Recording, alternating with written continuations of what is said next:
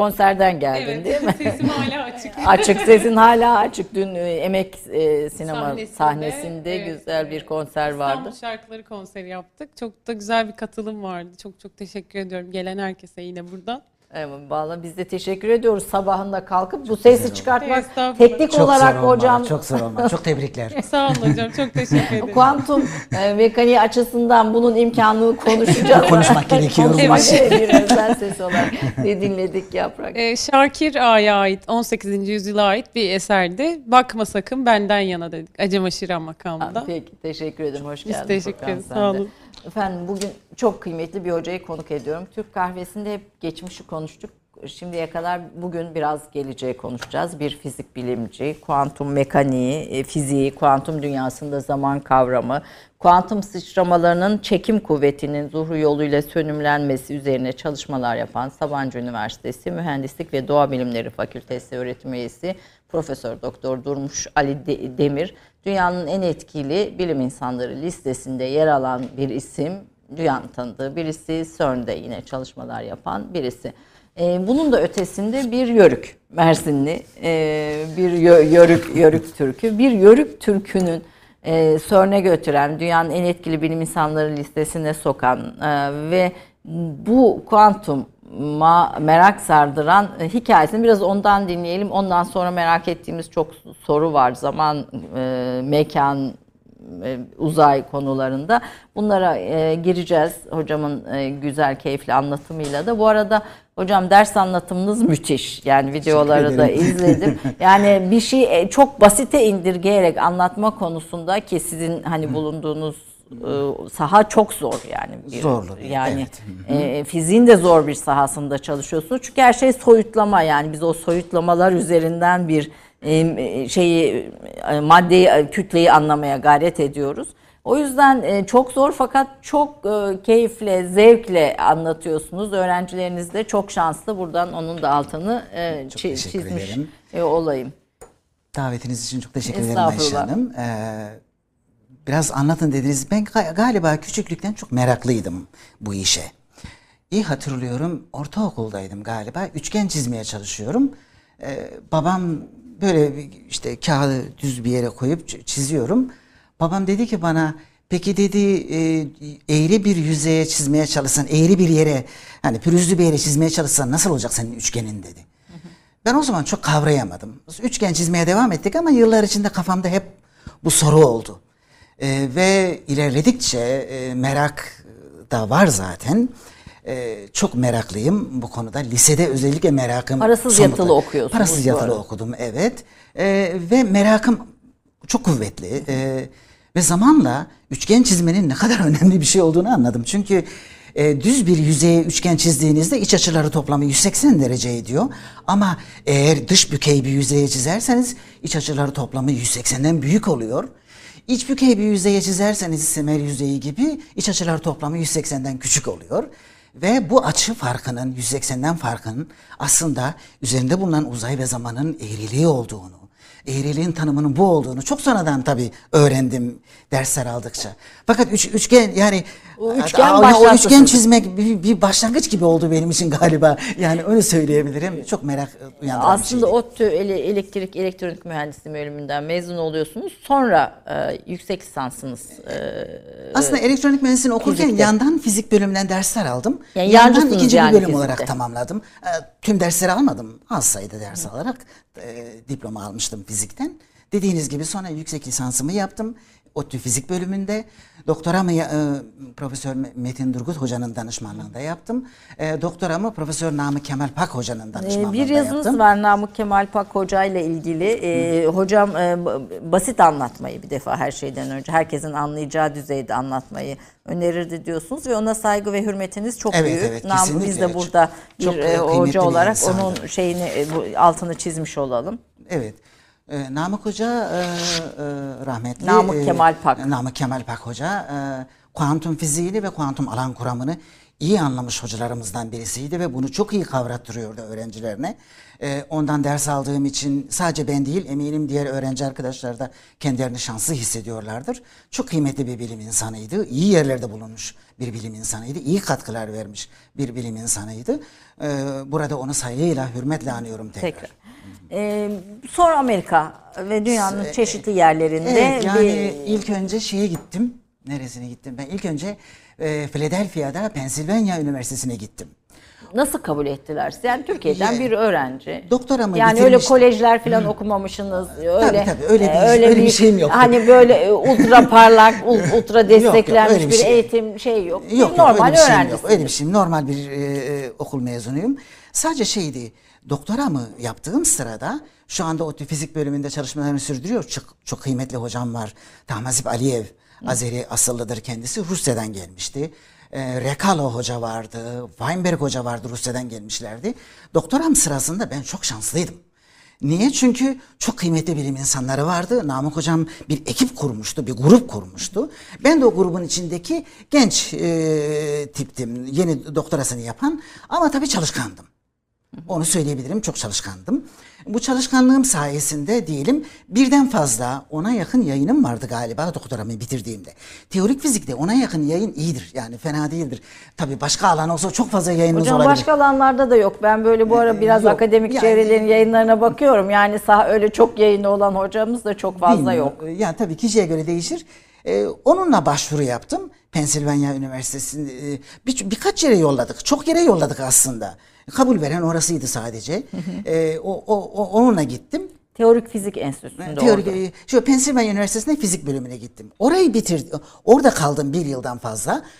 Asker döndüm, askerliğimi yaptım. Ee, askerlik biter bitmez e, İtalya'da e, Abdülselam'ın kurduğu ICTP dedikleri e, yani Uluslararası Teorik Fizik Merkezi'ne doktora sonrası araştırmacı olarak gittim. Tekrar yurt dışına çıktım. Buraları kabul edilmek kolay. Bir de Abdüsselam'ı da böyle çok kısa geçelim. Dünyada ilk Nobel alan e, Müslüman fizikçi, fizik bilim adamı Evet, Pakistanlı. öyle biliniyor kendisi. e, öyle birisi. Ee, şu an çalıştığımız modeli kuranlar üç kişiden birisi de oydu. Ee, o e, şey, Kuantum modelini kuran. e, şu anda tabiatı e, bir pikometre ve aşağısında, on üzeri işte bir femtometrenin aşağısında anla, yani anlamamız şu an geçerli olan modeli kuran onlar. Zaten bu modelde bir hata da bulamıyoruz. Yok. Ee, CERN'de araştırmalar sırasında test edilen modeli kuran üç kişi var. Birisi Abdüsselam, birisi Steven Weinberg, diğeri de e, Glashow e, denen üç kişi.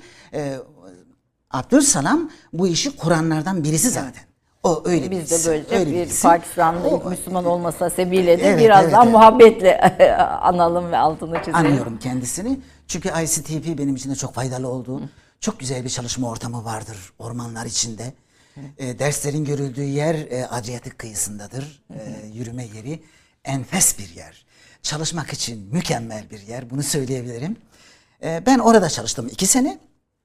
Ondan sonra Amerika'ya gittim. Üç sene tek, tekrar çalışmak için. Oradan mezun olduktan sonra mezun olmak demişim özür dilerim. Oradaki sürem bitince başvurup tekrar e, Amerika'da üç senelik çalışma dönemi aldım. Tekrar kabul aldım. Üç sene daha çalıştım. Ondan sonra Türkiye'ye döndüm. Yani şimdi buralarda çalışmak çok kolay olmasa gerek hocam. Yani müthiş bir Yani rekabet olduğunu da tahmin ediyor, ediyor. Yani gençler arasında rekabet var. Zaten kurum sizden bir şey bekliyor.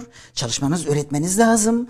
Ee, o sıradaki e, ha- hangi konu çok sıcaksa ya da önemliyse o konular üzerinde çalışıyorsunuz zaten. Ee, kabul almak zaten çok zor. Ee, ortalama olarak çok başvuru yapar insanlar. Ben de öyleydim. Çok çok farklı yerlere başvuru yapıyorsunuz. Birinden kabul alasınız.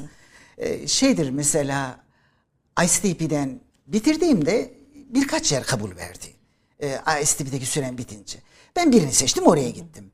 Yıllar sonra Türkiye'ye döndüm. İzmir'de çalışıyorum. Almanya'dan bana kabul veren yer ya biz sana kabul vermiştik gelmemiştin. Gelmek ister misin anlamına gelecek şekilde Yazdılar. desteklediler. Ben de von Humboldt'a başvurdum. Von Humboldt'un bir araştırma ödülü var. Onu aldım.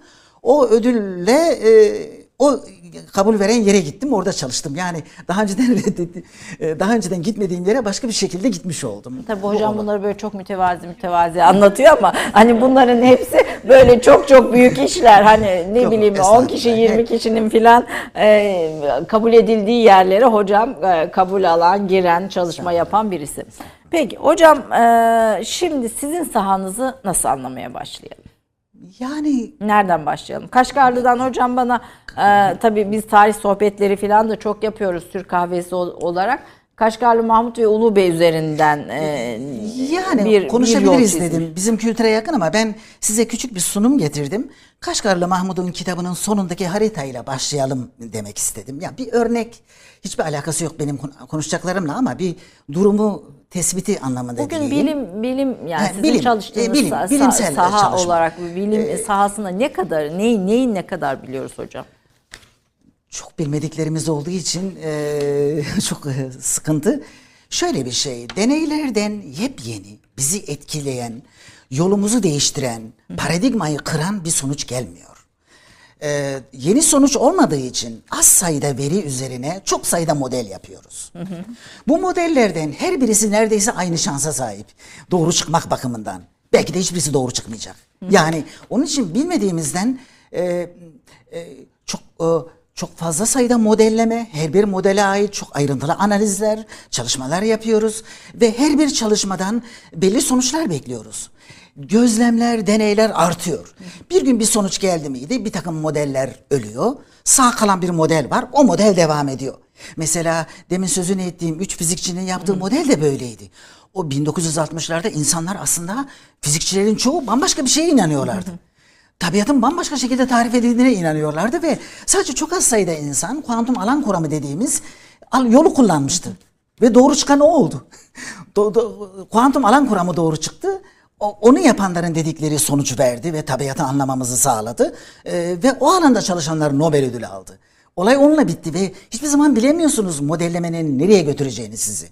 Ee, bize düşen şey özellikle benim gibi teorik ya da fenomenolojik çalışan insanlar için e, eldeki veriler kullanılarak e, mümkün olabildiğince fizik yasalarıyla uyumlu bir şekilde makul duran şekilde yanlışlanabilir modeller kurmak. Modellerimizin e, bilimsel bir anlamı olması için belli sayıda deneyler yapıldığında yanlışlanabilmeli. Doğrulanmayı aramıyoruz, yanlışlanabilir olmalı. Temel, bilimin temel felsefesi bu. Ee, eğer yaklaşım olarak konuşmamız gerekirse bir şeyin bilimsel olması için tabii ki çok kriter var ama bilimsel bir iddianın en önemli özelliği deneylerle yanlışlanabilir bir iddia olması. Bir deney yapıp yanlışlayabilmeliyim ben onu. Olay o. Yani doğrulamaktan Doğrulamak ziyade değil. değil, yanlışlamak Doğrulamak değil. sizin temel E, bir- Yanlışlamak temel ilkemiz. Vallahi ilginç de bir şey diyorsunuz Farklı bir şey, ki, evet, evet. Sizi e, fizikçiler neye neyle uğraşıyor diye sorarlarsa gönül rahatlığıyla diyebilirsiniz ki bu adamlar daha bir parçacığın ağırlığını bile anlayamamış. Ve bu işin üzerinden 400 yıl geçti Newton'dan bu yana hala anlamamış, anlaşamamış durumdayız diyorsunuz. Evet yani aslında çok büyük ilerleme kaydedildi. Aman haksızlık olmasın. Büyük bilim insanları, büyük akıllar, büyük işler yaptılar. Sadece Newton denklemlerini yazdığında eee, şey diye bir kütle diye bir nicelik var denklemde. Eee, var yani orada duruyor. Ve eee, Newton bunu çok şey yapmadı. Dedi ki hareket miktarını belirleyen bir şey. Böyle bir kaba bir tarif verdi. Çünkü o da bilmiyordu anlamını.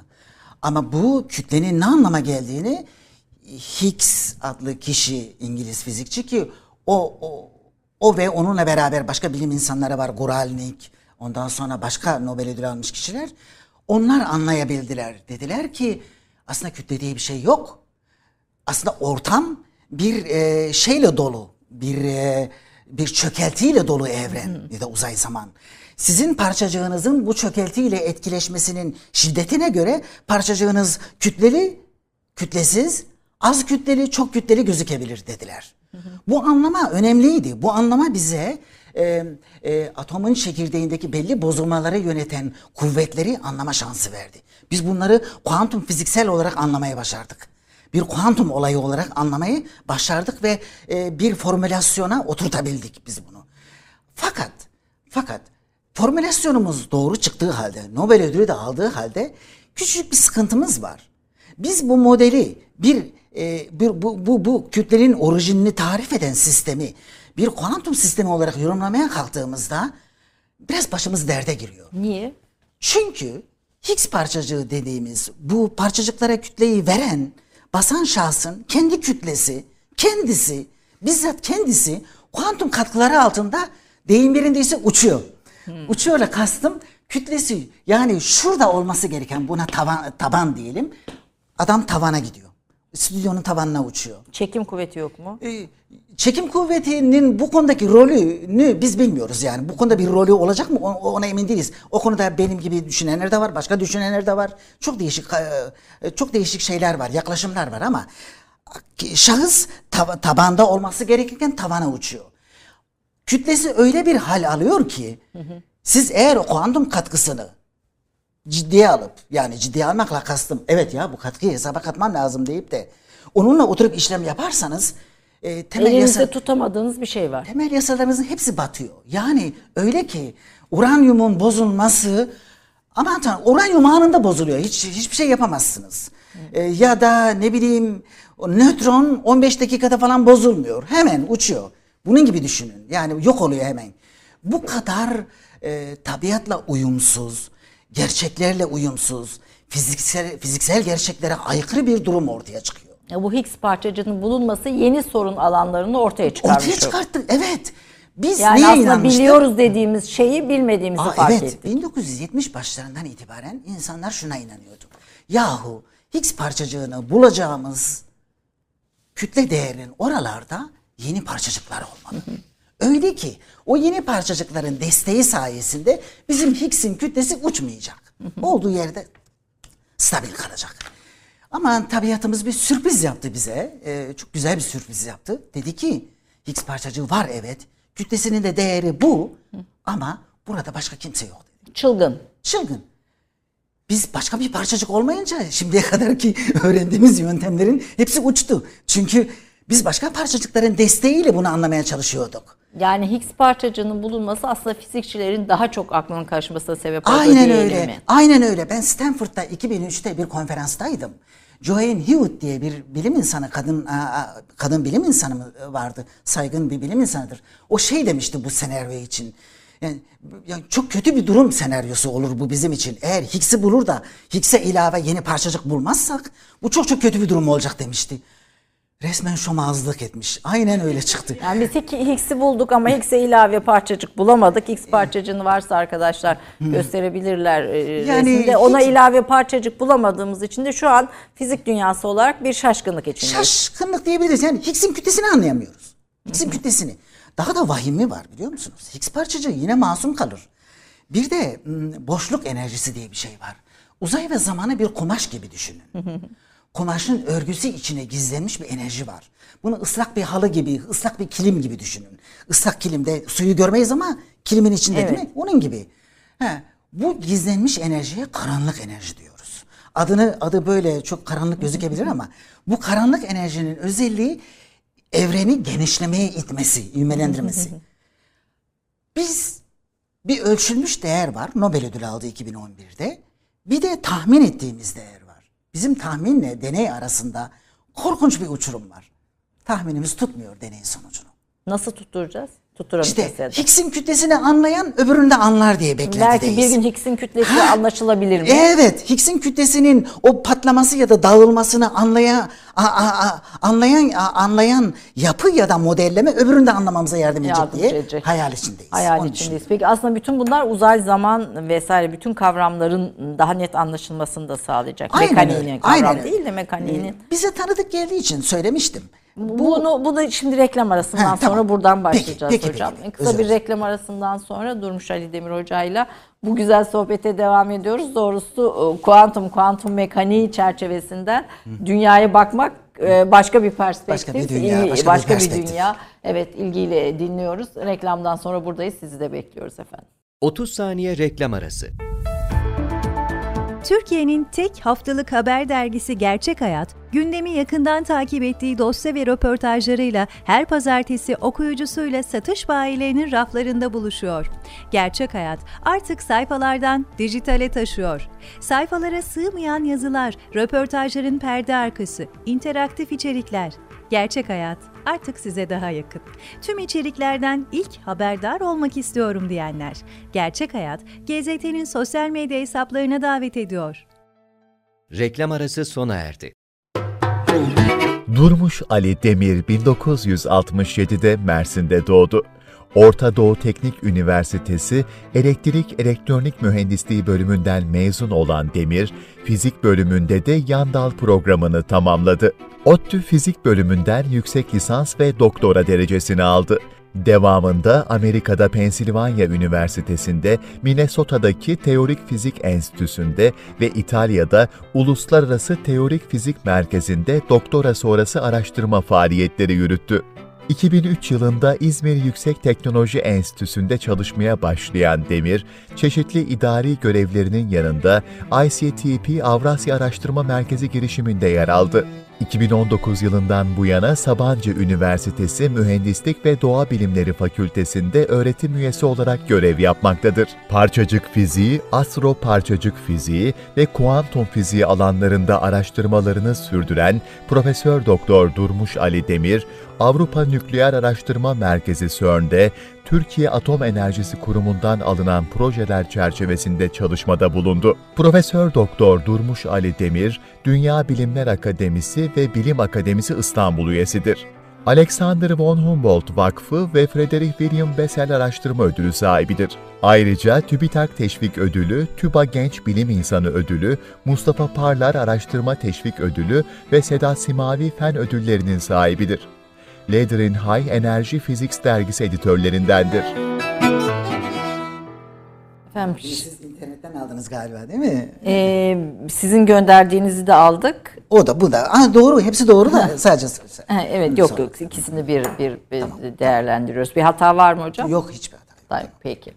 Ee, şimdi nereden başlayacağız kuantum anlamayı diye. Ben bir ilk e, zihnimde bir soru olarak tesadüf diye bir şey var mı evrende onu bir sormak istiyorum. Kuantum yani tesadüf var mı? E, kilit bir soru. Ben sadece bildiğim çerçevede cevaplayayım. Ben kuantum fiziği e, bir klasik fizik şu e, dünyayı yöneten bir fizik yasaları var ve burada her şey deterministik. Temel denklemlerimiz, denklemlerimiz öyle ki koşulları verdiniz miydi? Çevre koşulları ya da ilk koşulları denklem size ondan sonra neler olacağını verir. Hiç sorun Sebep yok. sonuç ilişkili. Hep devam eder. Newton bu demek. Ama bir de kuantum fiziği var. Atom ve atom altı düzeyi ilgilendiren. Bu dünyada bizim uğraştığımız temel şey hep şans ya da talih. Biz iki olayın, iki parçacığın çarpışma olasılığını, bir parçacığın bozulma olasılığını, bir parçacığın diğerine yaklaşma olasılığını hesaplarız. Bizim bütün işimiz olasılık hesabı. Ve bizim bütün bulduklarımız birer averajlar, korelasyonlar vesaire. Kuantum dünyasında kesin olan hiçbir şey yok. O zaman Schrödinger'in kedisinin, E, kedisi mesela bizim dalga kedi- mekaniği 1925'te bulduğu bu Heisenberg matrix mekaniği doğru yani hem öyle hem Hem hem ölü hem diri ve gerçekten biliyor musunuz? O hakikaten öyle. Yani kedi hem ölü hem diri ve kuantumun klasik mantıktan farkı bu. Klasik olasılık e, Hocam kuram- biraz böyle dur- Ha, dönerseniz, tamam, Ha, buyurun. tamam pardon. Klasik, klasik olasılık kuramında e, klasik olasılık kuramında iki bağımsız olay olduğunda A ve B A veya B'nin olma olasılığı A'nın olma olasılığı artı B'nin olma olasılığıdır. Ama kuantum dünyasında e, çok özel koşullar hazırlamadıysanız birbirinden bağımsız olaylar yok. A ve B diye iki olay verildiğinde A'nın veya B'nin olma olasılığı, A'nın olma olasılığı artı B'nin olma olasılığı artı veya eksi duruma göre değişir. Hem A'nın hem B'nin olma olasılığı. Yani Kapı kuantum- hem kapalı hem açık hem de aralık olabilir. Aynen öyle. Açık veya kapalı veya hem açık hem kapalı. Bu ikisi de var. Ve zannetmeyin ki o son, son terim hatalı. Asıl kilit orada. Kedi hem ölü hem diri yapan o terim.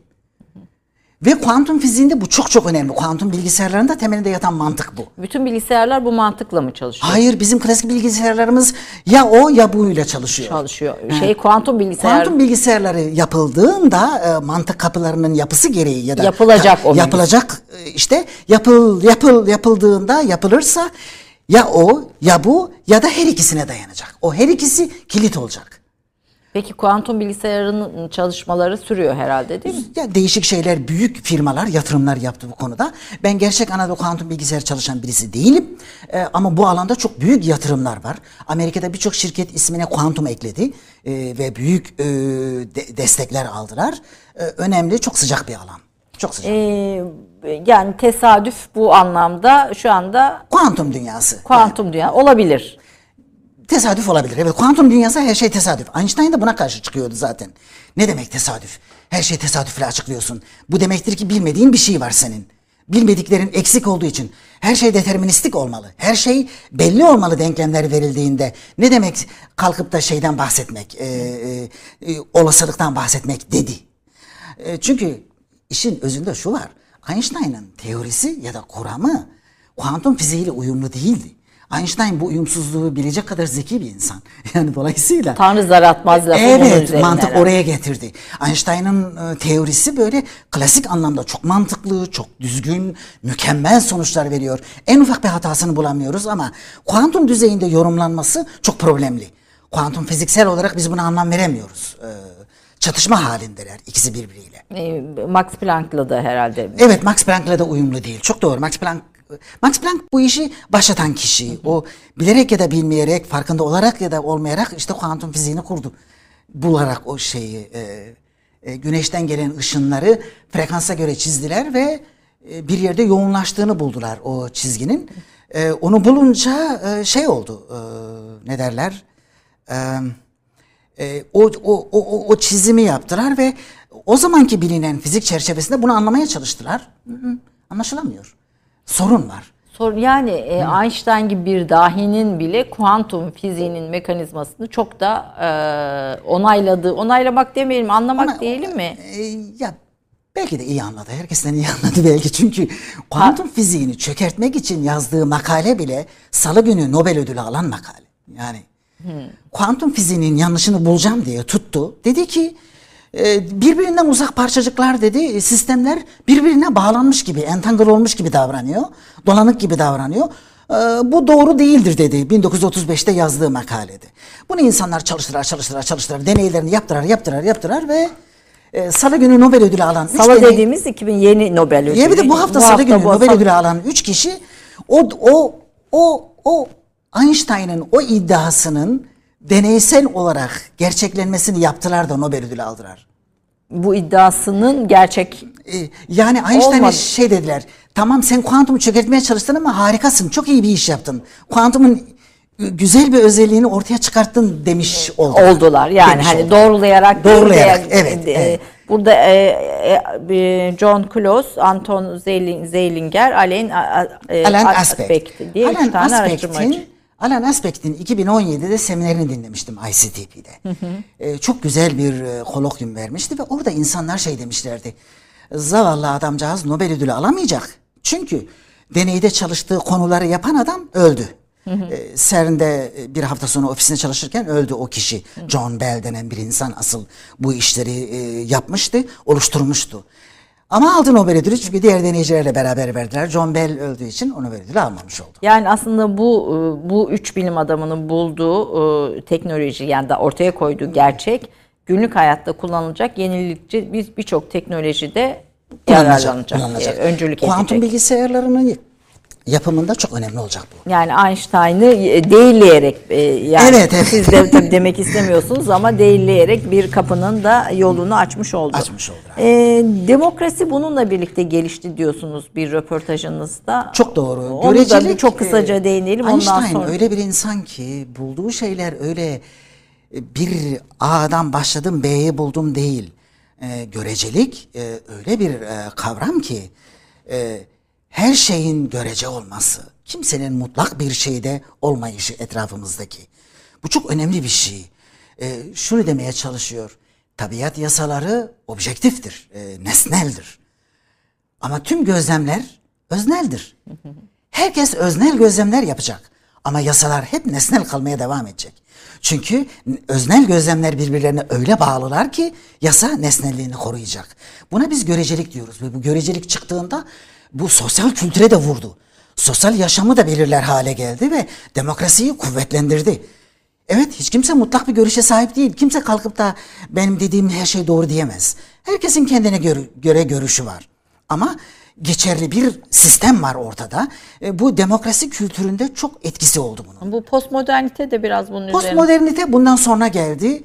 Ben postmodernistleri çok okumadım, çok bilgim yok. O konuya girmeyeyim. Hocam böyle de mütevazi diğer taraftan. Ee, şimdi hocam şu Kaşgarlı Mahmut'tan başlayalım arkadaşlar göstersin. Ee, Bu çok basit bir örnek. Kaşgarlı Mahmut'un bir haritası var hocamın. Bunu ben daha önce de bir konuşmamda gösterdim de onun için öyle Ee, söylüyorum. yo yo estağfurullah. Şimdi bu harita çok ilginç. Yecüc Mecüc diyarı var. Mesela e, Mağrip diyarları var.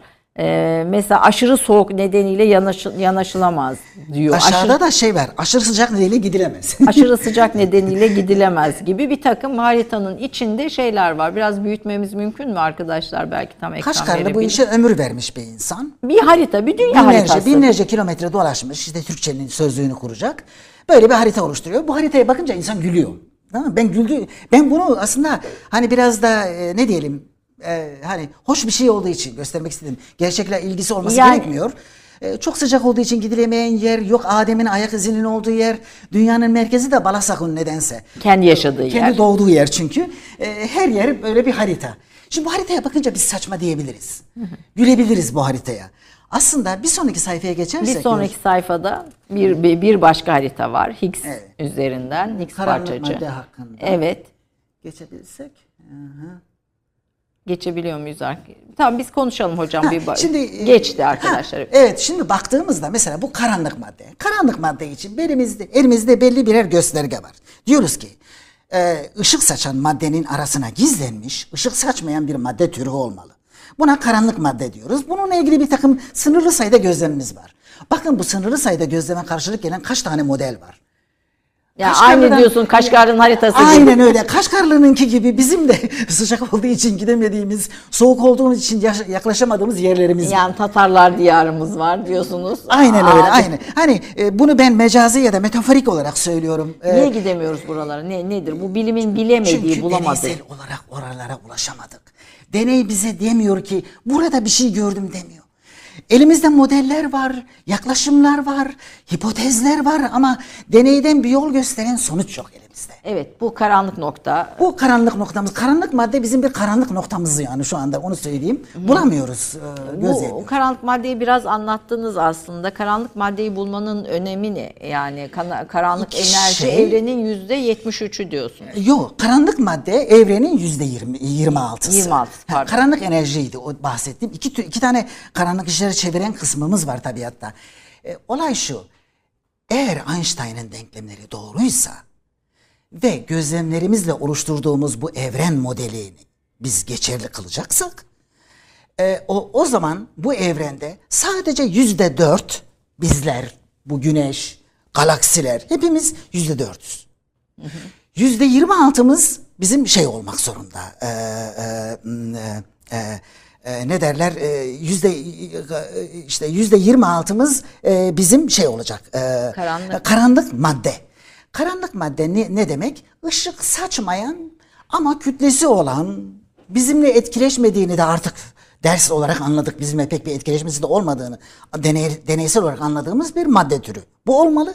Geriye kalan yüzde yetmiş, yüzde yetmiş biraz önce söylediğim gibi uzay zamanın kumaşı içine gizlenmiş ve evreni böyle genişlemeye doğru iten negatif basınçlı bir madde bir bir tür bir, Karanlık bir entite. enerji diyorsun. Buna biz karanlık enerji diyoruz. Karanlık enerji için çok basit modellerimiz var.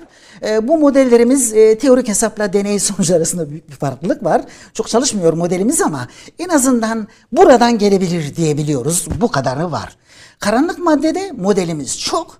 Nereden geldiğini bilmiyoruz karanlık maddenin. Özelliklerini, o gözlemlenen özellikleri sağlayabileceğimiz birden fazla model var. Ekrandaki de o işte. O model. Peki. Kuantum tünelleme etkisini hocam sizin çalıştığınız özellikle. Ben e, kuantum fiziğinde bir özellik var. Çok ilginç bir özellik. Mesela bu odadayız değil mi? Bu stüdyodayız. Farz edelim ki kapı kilitlendi. Çıkamıyoruz. Yani duvarı, kolumun maksimum sahip olduğu enerji 10 birim olsun. Duvarı yıkmak için 100 birim gerekiyor diyelim. Çıkamıyorum dışarıya. Kuantum fiziğinde baktığımızda böyle bir durum yok. isterse enerjisi sıfır olsun. Yeterince beklerseniz, duvar yeterince ince ise, çok yüksek değilse, bahsettiğim bir enerji duvarı bu arada dışarı çıkabilir. Burada da gördüğümüz gibi bakın bu şeklin üst tarafında bir parçacığımız var. Tepeden giderek geçecek karşıya değil mi? Çok basit tarif etmeye çalışıyorum aslında işin içine girmemek ve olayı karıştırmamak için. Ama ikinci satıra bakarsanız e, sanki duvarın içinden geçen bir olay varmış gibi. Bu kuantum parçacıklarının hem dalga hem parçacık olmasından kaynaklanan bir şey ve belirsizlik ilkesi dediğimiz şey bize bu sonucu veriyor. Evet. Ve bu çok ilginç bir özellik. Ee, bu klasik dünyada, normal dünyada olmayan bir özellik. Ee, bunu size aktarmak istedim. Bu, e, bu Yani özellik. normal dünyada yok ama Normal yani bu makroskopik dünyada yok ama atom altı dünyada tüm parçacıklar bunu yapıyorlar. Evet bu önemliydi. Yani Bu normal önemli. dünya dediğimiz üst gördüğümüz Yani zah- normal dünya zah- burası, zahiride evet. yok ama atom- hocamın öbür dünyası atom altı dünya. Onun altını çizelim. Ee, peki güneş tünelleme etkisiyle enerji Evet, üretiyor evet. diyorsunuz. Mesela güneşte enerji nasıl üretiliyor? Güneşte iki proton birbirine yaklaşıyor ama aralarında yüklerinden dolayı korkunç bir itme var. Yaklaşamıyorlar, yaklaşamıyorlar. Önlerinde bir duvar var. Ama o duvarı bir geçerlerse başka tür bir etkileşme onları birbirine yaklaştırıyor. İkisi çarpışınca helyum üretiyorlar. Artık parçacıklar olarak ışık çıkıyor. Biz o ışığı alıyoruz. Güneş bununla çalışıyor. Evet. Tünelleme etkisiyle çalışıyor. Peki tünelle biyolojik değişimlere neden oluyor. Bu neye sonuçlandırıyor? Bu niye bu kadar önemli bu konuyu bu kadar bilmek? DNA'mız değil mi? Bir zincir. Evet. DNA içinde bozulmalar olabiliyor değil mi? İnsanlar e, şey olabiliyor, sağlık sorunu çıkabiliyor. E, bu nasıl olabilir? Bunun çok değişik sebepleri olabilir. Sebeplerden birisini biliyor musunuz? Bakın solda gördüğünüz guanin adını verdiğimiz bir nü- nükleit diyelim. e, Bir, bir, bir molekül. Bu molekülün bir yerinde azota bağlanmış bir H, H harfi var, hidrojen. Okun yönünde baktığımızda o hidrojen oradan kopuyor, öbür taraftaki şeye gidiyor. E, e, öbür taraftaki nitrojene gidiyor. İşte bu gitme olayı şey oluyor. E, hidrojenin bir yerden bir yere gitmesi molekülü değiştiriyor. Ve molekülün değişimi de e, DNA'yı bozuyor. Hidrojenin oradan oraya gitmesi nasıl biliyor musunuz? Alttaki grafikte gösterdiğim gibi şeyle ilgili, tünelleme etkisiyle ilgili. Bir yerden bir yere tünelleme etkisi yaparak geçiyor. Biz bunu çalışıyoruz öğrenci arkadaşlarımla. Ee, bir takım şeyler bulduk e, kendi modellememiz çerçevesinde. İlginç bir olay. İlginç peki, bir, ilginç peki bir şey. E, biyolojik değişimlere neden olabilir bu konudaki gelişmeler? Var. Bu konuda deneyler de yapılıyor. Aslında biyoloji çok sıkı çalışılan bir alan. Şu anda kuantum biyolojisi. Deneyler arttıkça bunu çok daha iyi anlayacak insanlar. Ee, Burada kuantum mekaniği olmaksızın bugün DNA'nın yapısı, fonksiyonu, yıldızların renklerini, atomların kararlılığını, kimisa- kimyasal bağları, soya çekimin güvenilirliğini, üstün iletken ve üstün akışkanların özellikleri ve lazeri anlayamaz ve Anlayamayız. anlatamazdık. Evet çok doğru. Bunlar çok çok doğru. Yani. Ee, tabii bakın ama bunu doğru söylemek lazım. Burada dikkatli olmam lazım. DNA'daki bu mekanizma olası yollardan bir tanesi. Başka bir yol var mı bilmiyoruz. Olabilir. Başka bir yoldan da bu molekül bozulabilir. Ama 1960'ların başında bir başkası teklif etti bunu. Ee, bir, bir, bir o zamanki bir bilim insanı teklif etti. Bu olası bir yöntem. Bir olasılık bu yani. Bu olabilir. Hocam atom altı dünyalarda başka bir dünyası var. Ya başka Ee, bir şey. bir- bir- Biraz önce e, reklam Normal. arasında Yaprak ve Furkan'ın da bu konuya çok meraklı olduğunu öğrendik. Şöyle oluyormuş efendim. Hocam e, Yaprak'ın videoları izliyormuşuz. E, ondan Evet, sonra Yaprak da hocamın sesini. videolarını. Evet. Furkan da öyle meraklı Yaprak izliyorlarmış. sayarı yani, dinleriz. Yani. yani bu, bu, bu konuda e, her şey iki taraf da ilgiyle de e, di- dinliyoruz. Hocamın da renkli ve canlı anlatımı ve büyük bir heyecanla yani atom altı dünyaya ilişkin büyük bir heyecanı ve canlı anlatımıyla ve basitleştirerek hepimizin anlayacağı şekilde basitleştirerek anlatımı da müthiş. Bir es veriyorum hemen kuantum simülatörü tünelleme etkisiyle çalışıyor diyorsunuz. Oraya geçmeden tünelleme neden gelecekte etkili olacak? Oraya bir bakalım. Sonra biraz CERN bir- üzerine konuşalım Bir hocam. seyyar satıcımız olsun. Peki. Farz edelim ki bir şey satıyor. Ne satıyor? Herhangi bir şey. İzmir'de buzlu badem satarlardı. Buzlu badem satsın. Tamam dolaşıyor satacak. Şimdi 10 farklı yere, 3 farklı yere olsa dese ki kendisine ben en kısa yolu izleyerek 3 yere de bu satışı yapacağım döneceğim. Tamam yaptı. 3 3 tane yere uğrayacak olsa sorun yok. Hadi 5 olsun onu da yapabilir. Farz edelim ki 20 komşusu var. 20 yere uğrayacak, satacak, gelecek. Biliyor musunuz mümkün değil. O kısa en kısa yolu bulmak. Niye biliyor musunuz? 10 üzeri 28 kez e, 28 kat e, farklı yol ortaya çıkıyor. Sizin bu yollar içinde 10 üzeri, 10 üzeri 28 yol içinde en kısasını bulmanız inanılmaz derecede zor. Bu normal bilgisayarla evrenin yaşı kadar zaman gerektirir bunu bulabilmek, hesaplamak. Dolayısıyla bunu bulacak bir yöntem gerek. En kısa yol hangisi acaba? Buna biz optimizasyon problemi Yani bu diyoruz. kua- kuantum tü- tünelleme simülatör kullanarak Evet. tünelleme dediğimiz şey aslında bir parçacığın öbür parçacıkla buluşması arasındaki en kısa yolu bulmak üzerine mi? Evet, bakın bilgisayarınız var, programlıyorsunuz. Tünelleme etkisinin özelliğine takılıp kalmıyor. Hep tünelleyip daha derin minimuma inebiliyor. O görüyor. Senin bir şey yapmana gerek yok. Klasik bilgisayar takılıp kalıyor.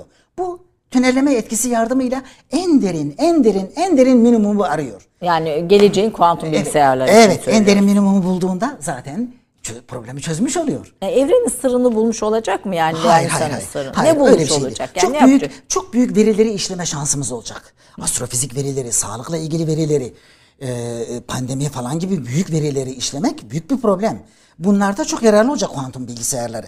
Bu gerçek anlamda bir bilgisayar değil. Zaten adına simülatör diyorum. Kuantum simülatörü. Burada yapılan şey bu minimuma inme hadisesini kullanıp karmaşık bir problemi çözebilmek.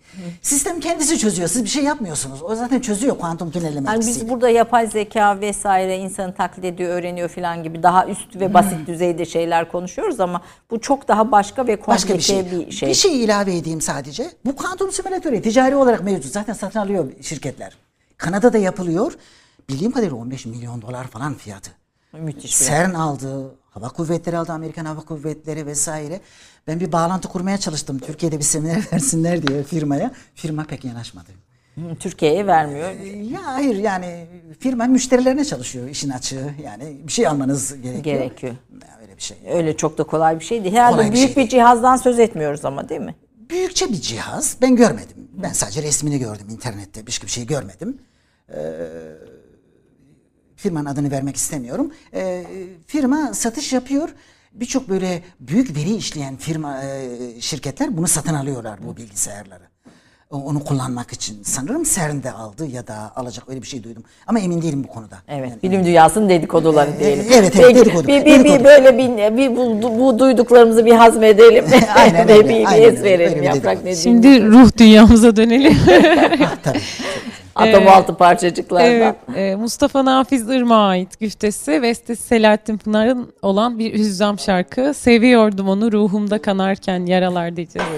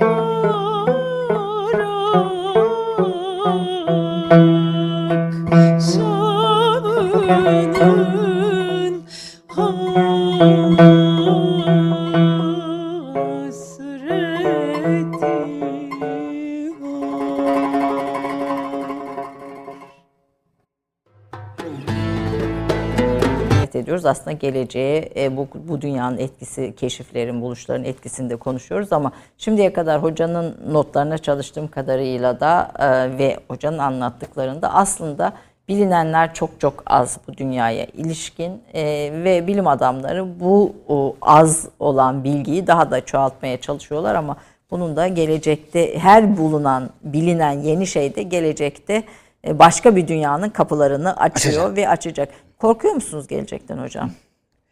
Yani kuant- Özel bir korkum yok da biyolojik... yani özel değil. Yani şey anlamda yani bir bilim biyoloji- insanı olarak. biyoloji- Mesela neyi görmek isterdiniz? Hani geleceğe ışınlanmak filan der, de- derdik ya. Uğraştığım problemler nasıl bir çözüme kavuşacak bunu çok görmeyi isterdim galiba. Diğer taraftan da korktuğum şey biyolojik sistemlerle çok oynamamak gerektiğini düşünüyorum. Çünkü artık hızlanacak bu. Ee, gerek hücre naklidir, gerek DNA'sıyla oynamaktır, gerek şeyler yapılacak. Bunlar güzel ama bunların laboratuvar dışına pek çıkmaması iyi olur. Ee, Yani laboratuvar dışına çıkarsa ne olur? yani devletler kullanabilir. Değişik güçler kullanabilir bunu. Bilemezsiniz Yani, yani. nükleer gücün Evet, e, evet. bireylerin eline geçmesi. Bir gibi. eline, eline geçebilir yani bu bakımdan. Bir de yani e, bir insanı hani bir şeylerle oynayarak daha gürbüz yapmak ya da daha e, ne bileyim Uzun değişik boylu uzun boylu yapmak falan gibi yapmak. seçenek ortaya girdiğinde çok fazla şey olmaya başlar bu defa. Çok fazla sistemle oynanmış olur. E, mesela yani bir pandemi yaşadık. Pandemiye sebep olan virüsün bir laboratuvardan kaçtığı söylendi. Ben bilmiyorum, emin değilim. Hiç kimse de doğrulamadı bunu. E, Ama bu bir ihtimaldi ve hakikaten o laboratuvarın olduğu yerde şeye çok yakındı. E, bu yarasaların olduğu yere çok yakındı. E, ve olabilir mi? Belki de oldu. Bilmiyoruz yani o konuda. Yani bu insanla DNA ile oynamak yani bilim Çok, ve çok. buluşlarda uzun Tabii, vadede Yani kontrollü olmalı ama bilim gelişecek. Gelişmesi muhteşem bir şey. Bilim insanlığın en değerli şeyi, incisi. yani bu duvarların içinden atom altı yapılardaki gibi insan da geçebilecek mi göreceğiz. onu göreceğiz, onu göreceğiz. Bir yüz yıl sonra ne olacak bakalım. Yüz yıl içinde bir biyoloji tamamlanır galiba. bir biyoloji tamam. Biyoloji anlaşılır. Şimdi biraz kuantumun dünyasını anlamaya çalışalım istiyorum. Biraz devam edeceğiz sizin aktardığınız şeyleri. Çünkü Higgs parçacığı neden önemli? Çok da az bir süremiz var ama e, biraz bize kuantumun dünyasını anlamak için anahtar kavramlar veya açıklamalar e, yapın istiyorum. Burada diyorsunuz ki makro düzeyde klasik fi- fizik ile mikro düzeydeki kuantum fiziği birbiriyle uyuşmuyor. Yani şimdiye kadar konuşmanızın temelinde Evet, de bu. uyuşum yok. Evet, çok. birbiriyle uyuşmuyor. E, ve be- belirsizlik ilkesi Heisenberg'in burada e, ortaya koyuyor. Bu uyuşamama halini bilim adamları nasıl yorumluyor? Nasıl onlara nasıl avantajlar sağlıyor veya dünyayı anlama noktasında bize nasıl bir kuantum evreni veriyor? yani zıtlıklarla dolu bir kuantum evreni var. Yani yeryüzünün Evet evet yani kuantum mikroskopik seviyede işliyor. CERN'deki deneylerde neredeyse her gün test ediliyor. Yani oradaki çarpışmalarda. Doğru. Hakikaten doğru. Hiçbir şey yok. Hiç, keşke bir farklılık yakalansa da yeni bir şey bulduk diye sevinse insanlar. Öyle bir şey yok. İşliyor. Ee, ama çekim kuvveti de işliyor. Bütün bu galaksiyi, şunu sistemleri tutuyor bir arada. Ee, evren genişlemeye devam ediyor. Biz bunu da anlayabiliyoruz. Büyük bir patlamayla başladığını, sistemin başlatıldığını falan düşünebiliyoruz. Ee, ama Einstein'ın dediği bu çekim kuvvetini verdiği tarif ile kuantum fiziğini tarif eden şey birbirine uyumlu değil. Kuantum fiziğini çekim yokken çok güzel tanımlıyoruz. Biz ona düz uzay diyoruz. Düz uzayda yazıyoruz. Teorimiz gayet iyi çalışıyor. Bütün tahminlerle tutuyor ama uzayımız eğri olduğunda bunu yapamıyoruz. Nedeni de şu. Kuantum fiziğinde her bir obje, her bir obje yani kuantum fiziğindeki objeler atom, Ha, atom altı parça, parçacıklar. kuarklar, Evet, nötronlar. Kuarktır, elektrondur, Elektrondur, atomun hatta evet, kendisidir. Bunların en temel özelliği şu. Bunlar hem tanecik hem dalga. Bunları isterseniz oturup tanecik olarak analiz ederseniz, isterseniz dalga olarak iki sonuçta birbirini tutar. Niye? Çünkü bu tanecik yapısıyla bu dalga yapısı birbirine bağlı, ilişkililer. Taneciğin özellikleriyle dalganın özellikleri birbirine link olmuş durumda. Ama çekim olduğu vakit Einstein'ın tarifine göre uzay ve zaman eğri. Uzay ve zaman eğri olunca en temel sorunumuz, en basit sorunumuz şu. İsterseniz buna matematiksel sorun deyin yaklaşımınıza göre, isterseniz fiziksel. Siz bu dalga parçacık eşleniğini kuramıyorsunuz. Dalganız var, keşfettiler, Nobel ödülü aldılar, gravitasyonel dalgaları buldular. Ama ona karşılık gelen parçacığınızdan kuramıyorsunuz. Çekimde çekimde kütle parçacık bulamıyorsunuz. Evet karşılık gelen parçacığı oluşturamıyorsunuz ve yani matematiksel olarak da zaten bununla buna denklemeye imkan bulamıyorsunuz eğri uzayda. Dolayısıyla eğri uzayda kuantumu yapmak ya da kuantum sistemini analiz etmek bambaşka bir zorluk. Bu yüzden insanlar şey düşündüler. Acaba dediler çekim temel bir kuvvet olmasa diğer kuantum salınımlarının, sıçramalarının sonucu olarak ortaya çıkan bir şey olsa bu olamaz mı acaba? Bu seçeneği tartıştılar. Daha 1967'de e, şey e, Sakharov e, bunu ilk başlattı. Çok değişik insanlar üzerinde çalıştı. Kendi, kendi iç çelişkileri olan modellemeler var, kendi sıkıntıları olan modellemeler var. E, ama e, herkes değişik bir yaklaşım getiriyor. Doğruyu bulmaya, e, doğruyu söyleyecek bir yöntem yok ortada. Ama çelişkilerden arındırmaya, mümkün olabildiğince sağlam bir model kurmaya çalışıyor insanlar. Ee, bu çekimin e, kuantum sıçramalarının sonucu olarak ortaya çıkan bir mefhum olma, bir kuvvet olma durumunu da e, durumunu çok değişik yaklaştılar. Acaba dediler uzay ve zamanın kendisi mi böyle oluşsun? Yoksa uza- yoksa çekimin ç- temeli olan uzay ve zamanın eğriliğinin kendisi mi e, şey olsun, zuhur eden bir şey olsun? E, çok değişik yaklaşımlar. Ama şu anda bir ke- siz de bunun üzerine çalışıyorsunuz. Ben de bunun üzerine çalışıyorum. Benden başka başkaları da çalışıyor. Ee, herkesin kendi yöntemi var. Ben Abdülselam e, ve diğerlerinin kullandığı bu Higgs'in kullandığı bir yöntem vardı. O zaman şeyi fark etmişti insanlar 1960'larda. Yahu bu nükleer bozulmalarda ileten şey, arkeologlar bile bunu kullanır yaş tayininde. E, ileten parçacık kütleli. Bu ışık gibi bir parçacık aslında. Işığın özelliklerine sahip bir parçacık kabaca. e, Konuşayım elektrik yükünü bir tarafa bırakarak. Ama kütlesi var. O zamana kadar insanlık hiç düşünmemiş. Kütleli bir ışık nasıl olacak? Kütle, yazmaya kalkınca bir baktılar ki aa hayır elimle öyle kütle terimini götürüp yazamıyorum. Mümkün değil bu. O zaman fark ettiler ki kütleyi anlamak lazım ve Higgs mekanizması denen bir şey geliştirdiler. Ben de böyle yaklaşıyorum olaya kısmen. Veriliyor bir kuantum teorisi Bu, bana. bu gördüğümüz Higgs bozonu bu nedir hocam? Bu Higgs bozonunun arandığı hızlandırıcı, CERN'deki hızlandırıcı. CERN'deki hızlandırıcı. CERN nasıl kuruluyor? Ee, CERN'in kurulması 1954. 54. İkinci Dünya Savaşı sonrasında Avrupa ülkelerini bir, bir araya getirmek, e, ortak bir yatırımda toplamak, birazcık da Almanya'yı tutabilmek için kendi başına Almanya'nın yatırım tekrar yapmasın. güçlenmesini Evet, Almanya tekrar kendi başına hani şey yatırım yapmasın diye. Şimdi burada gördüğümüz ne biraz bunu analiz edin isterim. Bu CERN'deki deneyden evet e, simülasyon koymuşlar. Bakın hidrojen e, tü- tüpünden hidrojeni aldı. Şimdi elektronları ayrıştıracaklar. Sadece proton kalacak. protonları hızlandıracaklar. Hı hı. 27 kilometre çap. Düşünebiliyor musunuz? Protonların hızlandığı. Önce önce e, proton sinkronunda biraz geçecek. Sonra süper proton sinkronuna taşıyacaklar. Daha da hızlandıracak. Her bir adımı Nobel ödülü almış bir şey bunun. Ne bulacak bunun sonunda X parçacığına? Zıt yönlerde iki proton demeti var. Çarpıştıracak. Yeni bir şey var mı içine bakacaklar. Hı, Ne, o, o, o çarpışmadan ayrılan partiküllere E, bakacak. Partiküllere bakacaklar. Bu samanlıkta iğne aramak gibi bir şey. yani sahiden samanlıkta iğne aramak tabiri çok çok Aynen çok öyle. yerine. Onu bulacaklar. Bulmaya çalışıyorlar. Ee, peki bütün bunları e, yani bu, bu makro ve mikro dünyayı, makro dünya sebep sonuç ilişkileriyle bağlantılı ama mikro evren gördüğümüz kadarıyla çok bildiğimiz sebep sonuç ilişkileriyle işlemiyor. Evet, evet, Ve evet. iki dünya bir arada yaşıyor. Yani hani iki dünya bir şeyde yaşıyor. Bu, bu da kuantum evrenini oluşturuyor. Kuantum evreni. Deminki cümleyi tamamlamama izin verin isterseniz. Kuantum salınımlarını hesaba kattığınızda elinizdeki fotona benzer parçacıkların kütle kazandığını görüyorsunuz. Ama bu kütle onların fiziksel olarak var olması gereken kütleleri değil. Elinizde bulunan teorinizi e, bir üst sınır koyduğunuz için üst sınırla demin demiştim ya tavanla tavanla orantılı bir kütleleri kazanıyor. Kütle kazanıyorlar. Oturup düşünmeniz lazım. Ben bu kütleyle ne yapacağım? Bu tavanın etkisini nasıl yok edebilirim? Görüyorsunuz ki inceleyince e, bu Higgs'in, Abdülsalamların yaptığı, Weinberg'in yaptığı modeldeki Higgs parçacığı ya da Higgs alanı yerine bu defa eğrilik geliyor. M, Simetriyi tekrar e, restore etmeye kalkarsanız.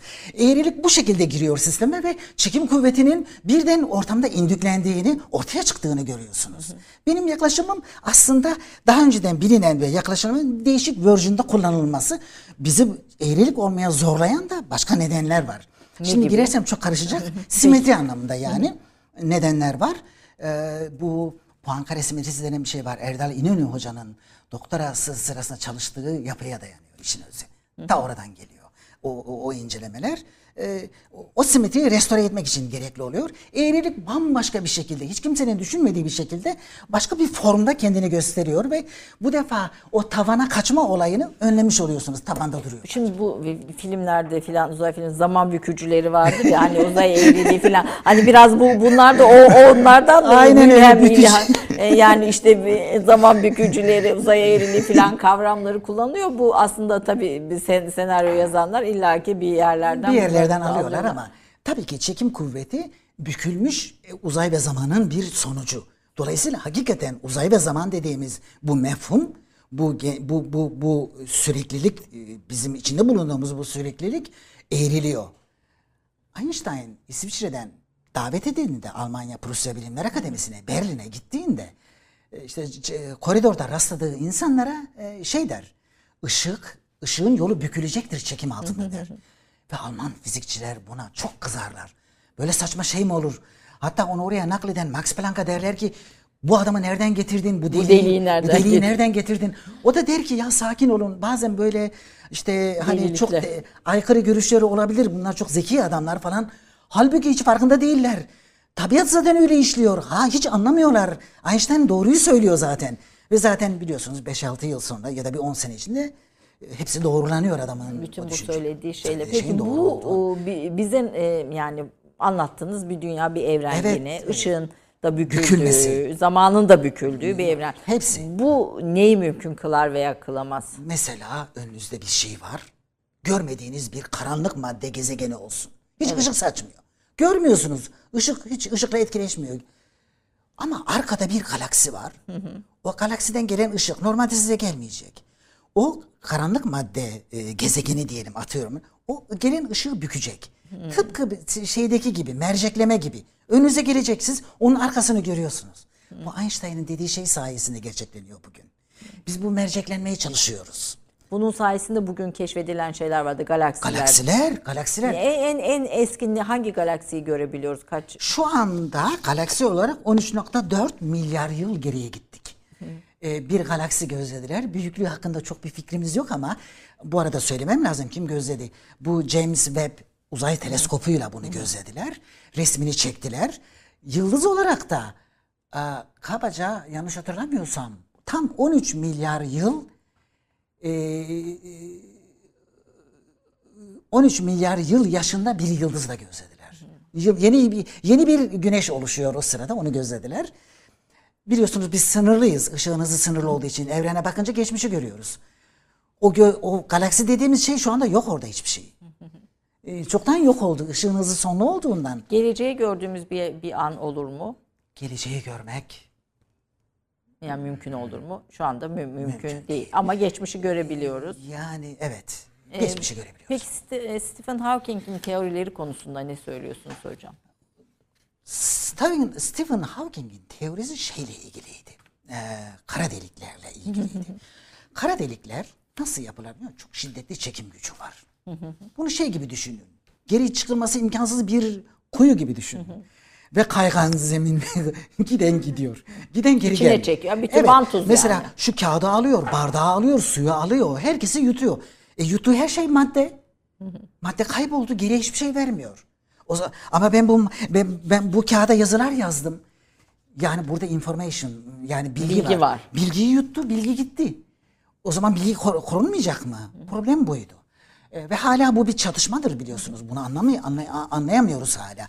Gerçi TOEFL denen bu işi iyi anlayan birisi en son iki hafta önceki seminerinde e, hesap hatası yapıyorlar. Aslında öyle bir problem yok falan dedi seminerinde. E, bilmiyorum onu e, şu anda onun modelini tam ta- çalışmadım üzerinde. E, bu bilgi korunmuyor o zaman. Bilgi kaybı var. Buna biz information loss diyoruz. Hawking dedi ki hayır dedi. Kara delik yüzeyinden kuantum fiziği yoluyla ışımalar yapar. Fotonlar. Ve Hawking'in o şey hesabını yapmak için tünelleme gere yetiyor. Tünelleme ile ilgili etkiyi kullandığınızı anlayabiliyorsunuz onun öyle olması gerektiğini. Ee, Ha- Hawking'in dediği şey doğru. Kuantum tünelleme yaparak Hawking kuantum tünelleme etkisinin de etkisini de kullanarak anlayabileceğimiz şekilde bir Hawking radyasyonu var. Bu Hawking radyasyonu vasıtasıyla kara delikler sürekli bilgiyi geri yayıyor aslında. Ama çok yavaş yayıyor. İşe yaramaz şekilde ve tespit edilemez şekilde. Astrofizikçilerin gözlediği kara delikler büyük kara delikler. ve etrafında gördükleri ışık aslında kara deliklerin etrafında dönen yüklü parçacıkların yaydığı ışık. E, Ve gördükleri o karanlık bölgede hakikaten her şeyi yutan kara deliğin kendisi. Olay ufkunun içi yani. Ve bunu da bir şekilde ispatlamış oluyor. İspatlamış oldular. Onun için ilk kez bir matematikçi Nobel ödülü aldı. bu bu şeyle. Evet, yani- Şimdi bu e, sizin hazırladığınız sunumlardaki notlara geçelim diyorum ama hocam bir, ben biraz daha popüler şeyler Geçmemiz çekip- şart değil. Siz lütfen daha şart. Ee, e, yani biraz daha belki e, Zaten bile kuantum sıçramasını biraz e, anlatın istiyorum. Kuantum sıçraması. Bir de yerellik ve şey etkisi var. Yani e, hani fiziği daha yerel ama kuantum fiziğiyle birlikte daha küresel. Yani her şeyin birbiriyle yakın olmayan şeylerin bile birbirine etkilendiği bir dünyayı tarif ediyorsunuz. çok doğru. Yerel ve Kuantum bu. küresel diye ben bunu daha e, sosyal alanda Küresel diyebilirsiniz. Diye- evet. evrensel aslında Evrensel, evrensel. Hani biraz o etkiyi de anlamak istiyorum yani nasıl bir Tabii, nasıl tabii. bir şey. Çünkü bunların hepsi felsefeyi, duyuş düşünüşü, toplumu, siyaseti, e, hayatı etkiliyor yani bir taraftan da bu Çok, çok doğru. Kavramsallaştırmalar. Einstein 1935'te iki tane yanındaki öğrencisiyle beraber e, bir makale yazdı. Kuantum fiziğini yanlışlamaya çalışıyor bu arada adamımız. E, Ve şey dedi. Ya dedi bir parçacık olsun burada. Bu bozulsun iki tane parçacık. Atıyorum. Burada bir parçacık var. İki elektrona bozulsun. Başlangıçta bu parçacık hiçbir özelliği olmayan, her yönde aynı olan bir şey ise biz buna spinsiz diyoruz. E, bozulduğunda parçacıklardan birisi yukarı yönlü iç spine sahipse diğeri aşağı yönlü. Momentum korunumu dediğimiz bir hadise var. Parçacıklardan birisi bu yöne gidiyorsa diğeri de öbür yöne gidecek. Birisi yukarı, unutmayalım diğeri aşağı yönlü bunların. Şimdi ne olacak? Farz edelim, bu, bunlar hayal edelim. Hiçbir etki olmasın gitsin. O, o, o etkiler çok önemli ama bu şu an teorik. Gidiyor. Farz edelim ki kişi bunu Kemerburgaz'da yakaladı, ölçtü. Dedi ki ben bunu yukarı buldum. Öbür parçacık gitti o sırada. Atıyorum Tekirdağ'daki dedi ki ben de buldum. Ee, şey Tekirdağ'dakine e, pardon özür dilerim. Ee, pardon. Evet Kemerburgaz'daki ölçtü ve bunun yukarı olduğunu buldu. Anında ışık hızından çok daha hızlı bir şekilde sonsuz hızda kafasında hemen oluşacak. Öbür Tekirdağ'a gidenin şeyi aşağıdaydı. Onu bilecek. Bilgi ışık hızından daha hızlı beynimizde oluştu. Bu korkunç bir aykırılık tabiatla ilgili. Buna biz Einstein, Podolsky, Rosen paradoks diyoruz. Bu büyük bir paradoks. Ee, Niels Bohr buna cevap verdi. Böyle şey yapamazsın saçma falan. e, Böyle sistemleri analiz edemezsin dedi. Niels Bohr kuantumu savunan birisiydi. Yani bir bilgi, bir ölçümü yaparak öbürünü aradaki mesafeye bakmaksızın sonsuz hızda öbür bilgiyi öğrenmek çok tehlikeli bir şey. Bu kuantumun Evet, özelliği. evet. Ama ben mesela o Nobel ödülü alanlardan birisinin, e, Viyanalı e, hocayının seminerini dinlemiştim.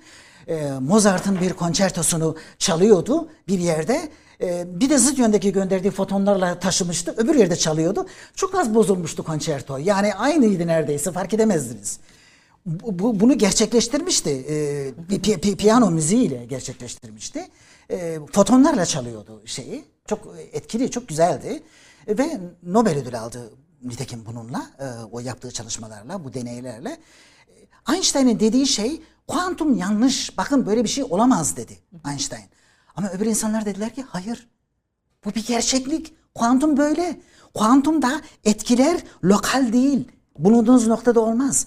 Uzaktaki sistemler de, uzaktaki sistemlere de bağlı. Yani bir biz hepimiz kuantum olsaydık, hepimizin bizi tarif eden fonksiyonlar birbiriyle bağlı olacaktı. Birimiz yerimizden hareket ettiğimizde hepimiz kendimizi ayarlayacaktık.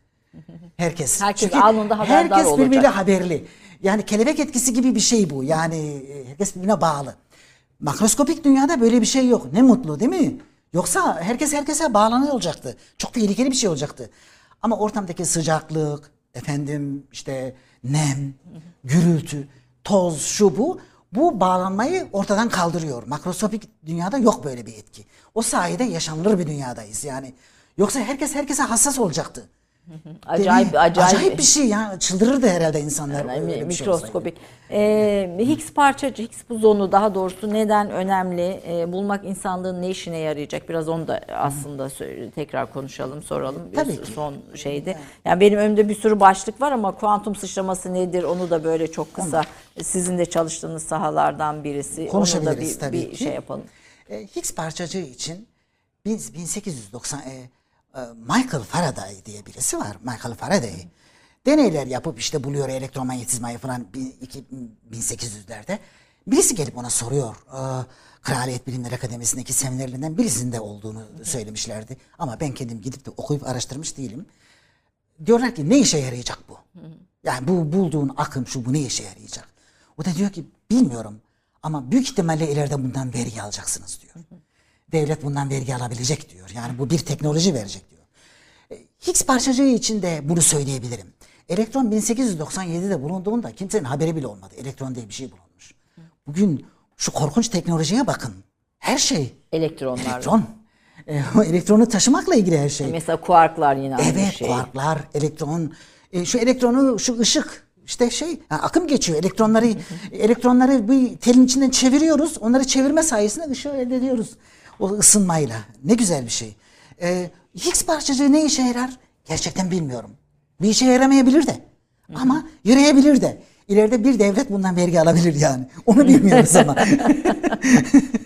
İleride bir devlet bundan vergi elde vergi alabilir. oraya. Teknolojide iyi giden birisi yani. Peki. E, Quark ismi de James Joyce'un bir şiirinden galiba İrlandalı Evet. olduğu için Quark'ı bulan da. Gelman diye bir hoca vardı e, e, Caltech'te.